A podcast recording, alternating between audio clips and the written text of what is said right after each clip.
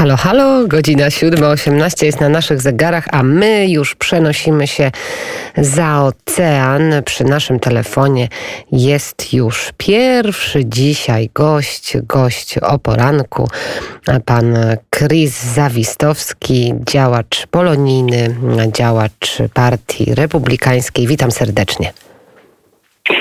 Dzień dobry Panie, dzień dobry Państwu. E, drobna korekta, e, Pani redaktor Krzysztof Stępień. Krzysztof Stępień, a to co, to jest pseudonim Chris Zawistowski?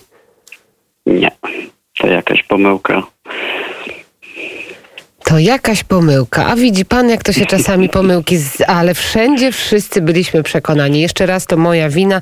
E, bardzo pana e, przepraszam. Nie wiem dlaczego tak jakoś e, wyszło, ale to jest jakiś chochlik. Może to jest pana alterego po prostu, co?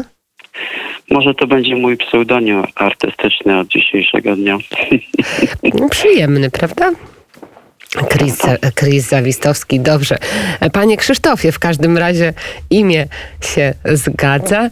Proszę powiedzieć, e, jak wygląda sytuacja w Stanach Zjednoczonych. Oczywiście pytam o paszporty szczepionkowe, pytam o to, co się dzieje, jeżeli chodzi o, mm, o tę sprawę, która w Unii Europejskiej i w Europie bardzo mocno jest komentowana. Więc e, nie mam zbyt dobrych wiadomości, ale od bardzo dobrych wiadomości chciałbym tą swoją relację rozpocząć.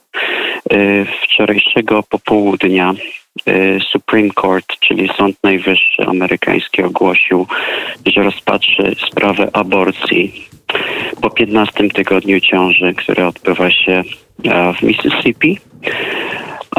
Jest to sprawa, która tak naprawdę może rozwiązać problem, który stworzył wyrok sądu e, w sprawie Roe vs. Wade z 1973 roku.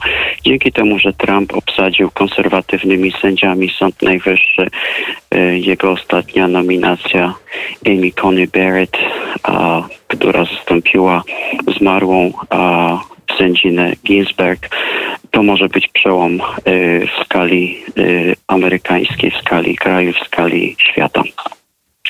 To tak na, na, na, dobrą, na dobrą monetę.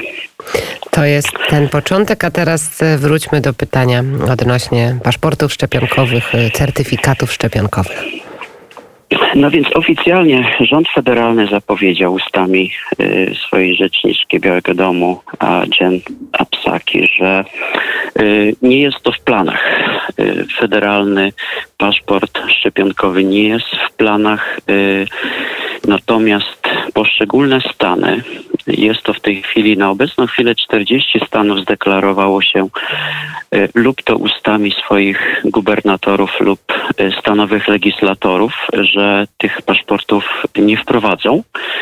Y, tutaj osiem stanów zdecydowanie podjęło już kroki i albo decyzjami odgórnymi zarządzonymi przez gubernatorów lub przez legislaturę stanową. Są to stany Arizona, Florida, Idaho, Iowa, Montana, Nebraska i Utah i Texas.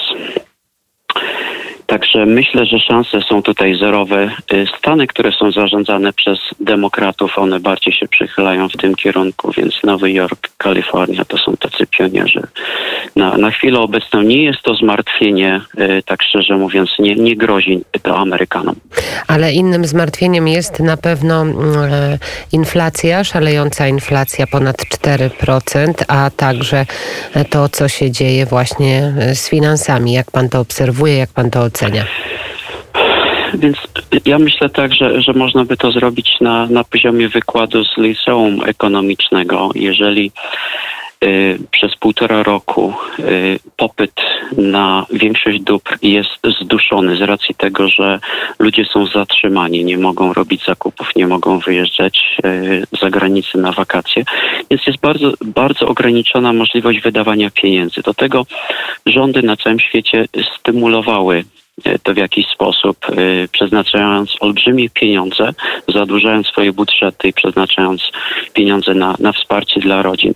Te pieniądze tak naprawdę w większości one, one gdzieś tam na, na kontach ludzi odłożone są i, i są niewykorzystane. Także można powiedzieć takim językiem Y, troszkę y, z ulic, że, te, że, że ludzie kąpią się w pieniądzach tak naprawdę i programy, które mają stymulować gospodarkę, według mnie są zupełnie chybione. To jest, to jest kwestia drukowania niepotrzebnego pieniądza, a wiadomo, że zły pieniądz wypycha dobry pieniądz z rynku. Natomiast złego y, Kwestia podaży. Tutaj podaż, y, nie wiem jak to wygląda w Europie, jak to wygląda w Polsce, natomiast w Stanach Zjednoczonych ta podaż jest w różny sposób ograniczona. Y, są to ograniczenia ze względu na surowce, są to ograniczenia ze względu na na stan pandemii, tak, czyli, czyli ten stan podtrzymywany przez rządy, kiedy ludzie tak naprawdę jak poniekąd na siłę są zatrzymywani w domach i nie mogą iść do, do pracy, więc, więc ilość produktów na rynku jest coraz mniejsza, ale również bardzo dziwne zerwania łańcuchów dostaw, czyli, czyli na przykład blokada kanału sueskiego, czy, czy na przykład y, y, gazociągu y, w kierunku wybrzeża wschodniego. To wszystko spowodowało tak naprawdę zerwanie tych łańcuchów dostaw i podaż dóbr jest bardzo ograniczona. W chwili, kiedy, kiedy wrzuca się olbrzymią ilość pieniędzy na rynek, no to przecież naturalnym efektem jest inflacja, tak? I ta inflacja w samym miesiącu kwietniu podskoczyła na poziom 4,2 w skali miesiąca, 4,2%. Żeby Państwu uświadomić, jaki, jaki to jest poziom, y, podam średnią z poprzedniego roku, 2020 to było 1,2%. W Polsce inflacja jest na podobnym poziomie, więc y, wydaje mi się, że to będzie taki no, ogólnoświatowy trend wychodzenia świata z tej, a nie innej sytuacji.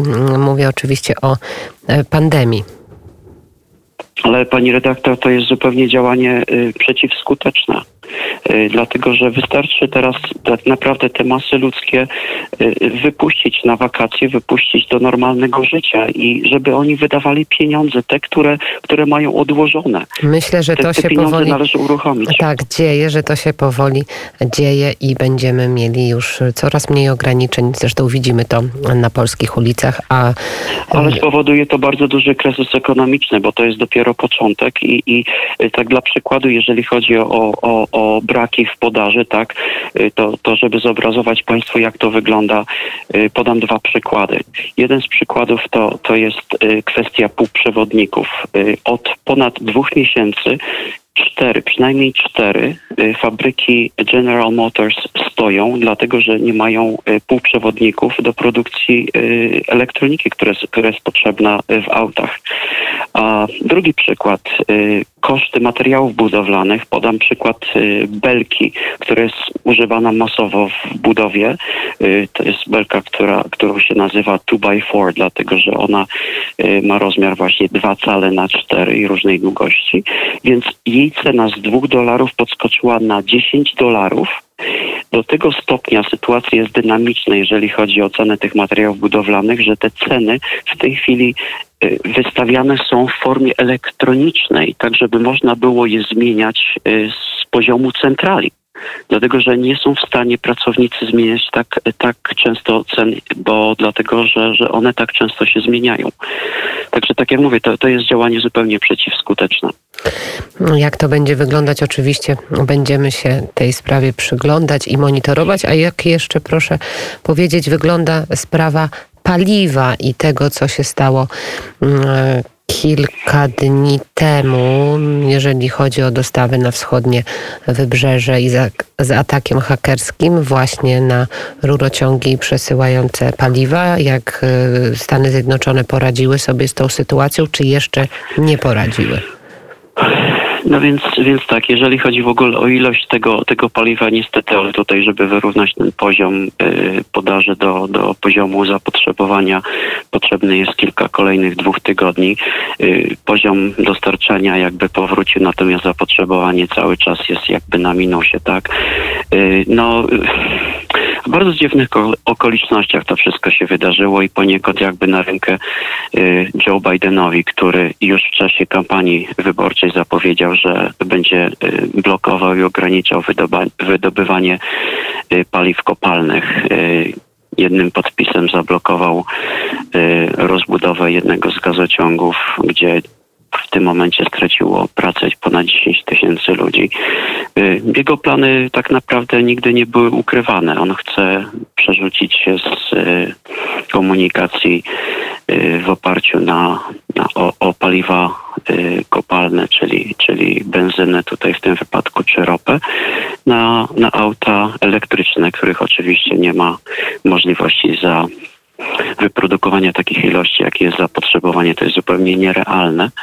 Yy, najbardziej szokujące jest to, że yy, prezydent Biden w ogóle uchylił się od odpowiedzi na, na pytania na temat yy, kosztów y, tego, tego zakładu, tak? Bo dlatego, że, że to tutaj w tym momencie to był szantaż. Ta, ta firma i ta, ta grupa hakerów rosyjskich, ona zażądała y, pieniędzy i ten okup w granicach powiedzmy pięciu chyba milionów wyniósł i, i tutaj no, część takiej naprawdę kluczowej infrastruktury jest za, zagrożona, tak, czyli jest to zagrożenie dla funkcjonowania istnienia poniekąd części państwa amerykańskiego i prezydent Stanów Zjednoczonych uważa, że to jest sprawa zupełnie prywatnej firmy. Takie rzeczy nie wydarzyłyby się nigdy za prezydentury y, Donalda Trumpa. Niestety y, Joe Biden y, niszczy tak naprawdę ten kraj w dużo szybszym tempie, aniżeli ja się spodziewałem. Są to rzeczy szokujące. A nie mówiąc już o, o tych wszystkich podziałach, tak, bo on cały czas mówi, że on będzie łączył to społeczeństwo od pierwszego dnia, kiedy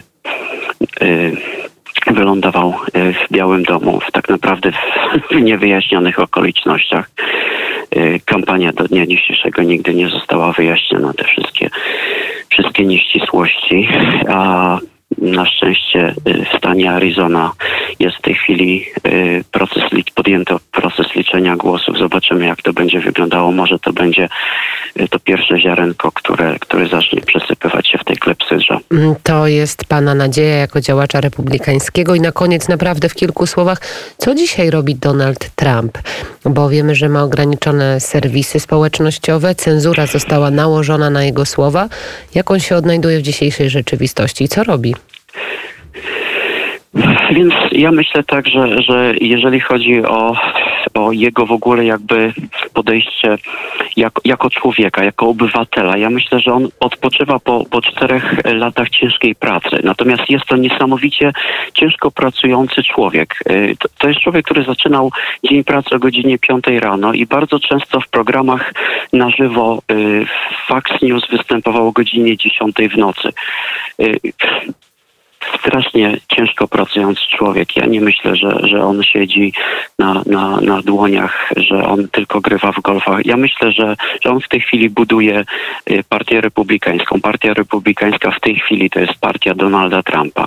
Parę dni temu usunięto Liz Cheney, która, która tutaj sprzeciwiła się zupełnie y, woli y, wyborcy republikańskiego i woli partii. Ona tutaj głosowała za impeachmentem. To, to jest tak naprawdę zdrajczeni więc ona została usunięta y, jako była pozycją trzecią w Partii Republikańskiej. Y, myślę, że Donald Trump poradzi sobie świetnie bez Twittera, buduje swoją platformę y, w oparciu chyba o swoją stronę internetową, platformę komunikacji. Wspiera ludzi, którzy będą startować w przyszłych wyborach, w przyszłych rocznych wyborach uzupełniających do Senatu i do Kongresu. Myślę, że jest na tym skupiony i jestem przekonany, bo wyznał w jednym z wywiadów, nie powiedział tego bezpośrednio, natomiast powiedział to w ten sposób, że będziecie bardzo zadowoleni. Jest to jednoznaczne. To jest jego deklaracja której tak formalnie, ze względu formalnego w tej chwili nie może ogłosić. Startuje w wyborach w 2024 roku. Jest to świetna wiadomość dla Ameryki i dla całego świata. Bardzo dziękuję za ten głos prosto z Kalifornii, prawda? Prosto z Michigan. Piękne Michigan. To No to ja sobie wymyśliłam w ogóle imię i, i imię i miejsce. To już się bardzo poprawiam e, i, Następnym razem i już łatwiej. następnym razem będę pamiętała. Krzysztof Stępień, bardzo dziękuję za korespondencję i do usłyszenia. Pozdrawiam serdecznie. Dobranoc dobrego. i dobrej nocy. I Do dobrej widzenia, nocy. miłego dnia.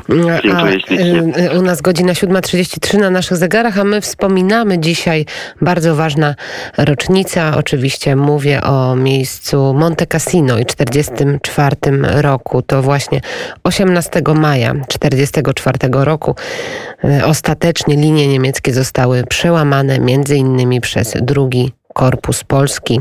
Dzisiaj z kwiatami e, we Włoszech e, pani Maria Anders, córka generała Andersa, a także minister obrony narodowej Mariusz Błaszczak składają kwiaty, a my pamiętamy mm, o tym ważnym dniu, o klasztorze na Monte Cassino i chyba nikomu nie trzeba mówić więcej o tej pieśni.